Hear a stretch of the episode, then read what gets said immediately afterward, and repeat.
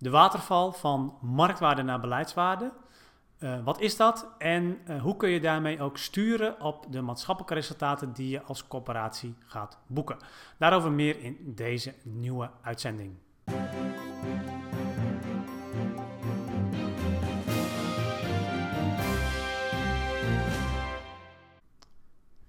Nou, de waterval tussen aan de ene kant de marktwaarde in verhuurde staat van een woning en de beleidswaarde van een woning aan de andere kant, dat noemen we ook wel de waterval. Nou, als je hier het uh, plaatje wat nu in beeld verschijnt ziet, dan uh, zie je ook waarom dat een waterval heeft.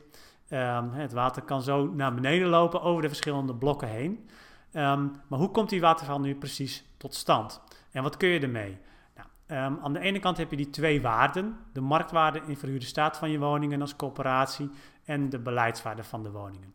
Beide waarden die komen tot stand door eigenlijk alle toekomstige potentiële uitgaven en inkomsten uh, tegen elkaar af te uh, strepen en dat bedrag contant te maken, zoals we dat dan noemen, naar wat je daar nu op dit moment voor zou kunnen betalen. Dus daar zit ook een bepaalde uh, rendement in wat je elk jaar maakt. Nou, dat voert te verder om dat hier allemaal toe te lichten, maar in ieder geval zitten daar alle toekomstige uitgaven en inkomsten van de woning in. Dus het gaat bijvoorbeeld over huur, inkomsten en onderhoudsuitgaven die er allemaal in zitten. Nou, bij de marktwaarde in verhuurde staat wordt ervan uitgegaan dat je het helemaal marktconform gaat uh, exporteren. Dus dat betekent dat op het moment dat je het beter kunt gaan uitponden, dus woningen kunt gaan verkopen omdat dat meer oplevert, dat je dat dan gaat doen. en dat je zo hoog mogelijke huur vraagt en dat je zo weinig mogelijk uitgaven doet. Terwijl bij de beleidswaarde, daar ga je ervan uit dat je het exporteert zoals de corporatie het in zijn beleid heeft opgenomen. Dus het kan zijn dat de huur lager is, het kan zijn dat je meer aan onderhoud doet, het kan zijn dat je meer aan beheer doet, et cetera. Nou, die uh, onderdelen die zorgen ervoor dat er een verschil ontstaat tussen de marktwaarde, die vaak hoger is. Stel dat die marktwaarde bijvoorbeeld 200.000 euro is voor een woning. Dat is misschien wat veel, maar even voor het voorbeeld. Um, en dat een beleidswaarde bijvoorbeeld uh, 100.000 euro is of uh, 150.000 euro. Nou, dan zie je dus dat daar een verschil tussen is. En dat verschil wordt in de eerste plaats uh, met name veroorzaakt door de betaalbaarheid vaak. De coöperatie maakt vaak een keuze om niet de maximaal mogelijke huur te vragen die de markt zou willen betalen als je hem gewoon vrij kunt verhuren maar om uh, een iets lager bedrag daarvoor te vragen om de betaalbaarheid voor de doelgroep juist te borgen. Dus dat is één stukje wat je dan natuurlijk verliest aan, aan inkomsten en wat dus ook invloed heeft op je beleidswaarde in dat geval. Een tweede onderdeel is de beschikbaarheid. Vaak is het zo dat uh, op termijn uitponden uh, dus het verkopen van je woningen op termijn, dat dat vaak meer gaat opleveren dan het veel langer doorexporteren van die woningen. Hè. Op een gegeven moment krijgen woningen ook meer behoefte aan onderhoud, dus het wordt vaak duurder. Nou, dat stuk dat zit in uh, het beschikbaar houden van de woning. Dus op het moment dat je zou verkopen, zou je er meer voor kunnen krijgen. Het moment dat je ze gewoon doorexploiteert, krijg je er minder voor. En um, nou, dat, dat verschil, dat zie je terug in een afslag op je marktwaarde um, onder, onder het kopje beschikbaarheid. Nou, dan heb je nog het kopje onderhoud. Het kan zijn dat je als coöperatie ervoor kiest om op een wat hoger niveau te onderhouden. Of um, je bent daar misschien ook wel toe gedwongen, omdat je bijvoorbeeld ook de uitstelling op de wijk uh, uh, mede in oogschouw neemt. Omdat je bijvoorbeeld een bepaalde doelgroep hebt die misschien vaak muteert, waardoor er meer onderhoud nodig is.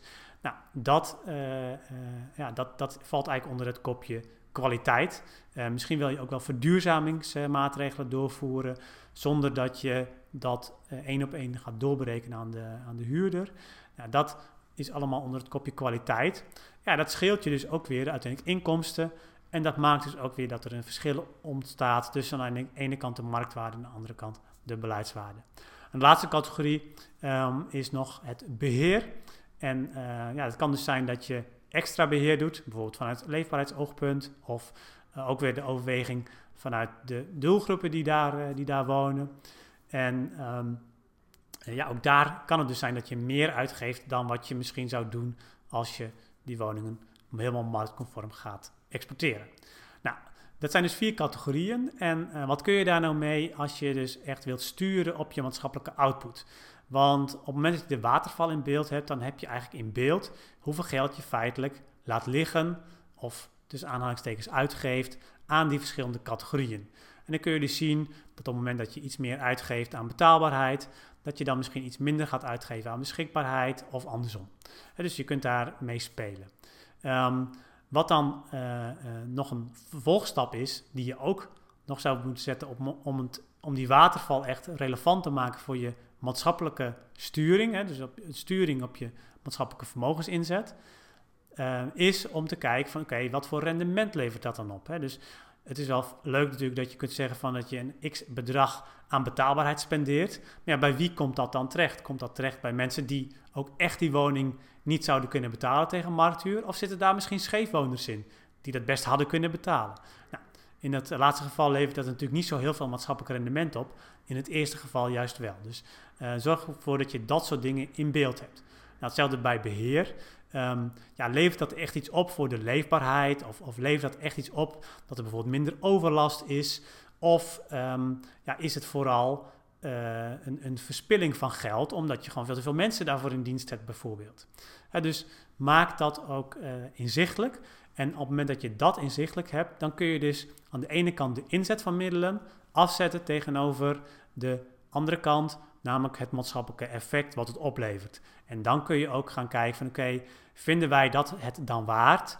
En gaan we ons geld dan liever uh, in betaalbaarheid steken of gaan we ons vermogen dan liever in beschikbaarheid of in kwaliteit of in het beheer steken? Dus op die manier kun je uh, aan de slag met de waterval. Ik uh, wens je daar heel veel succes bij en graag tot een volgende podcast. Deze podcast is een bewerking van een video.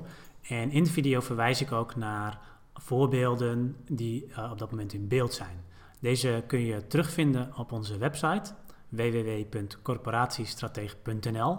En als je dan helemaal onderaan de pagina de titel van deze podcast invoert, dan kom je op de bijbehorende blog en daar vind je ook de voorbeelden die ik noem.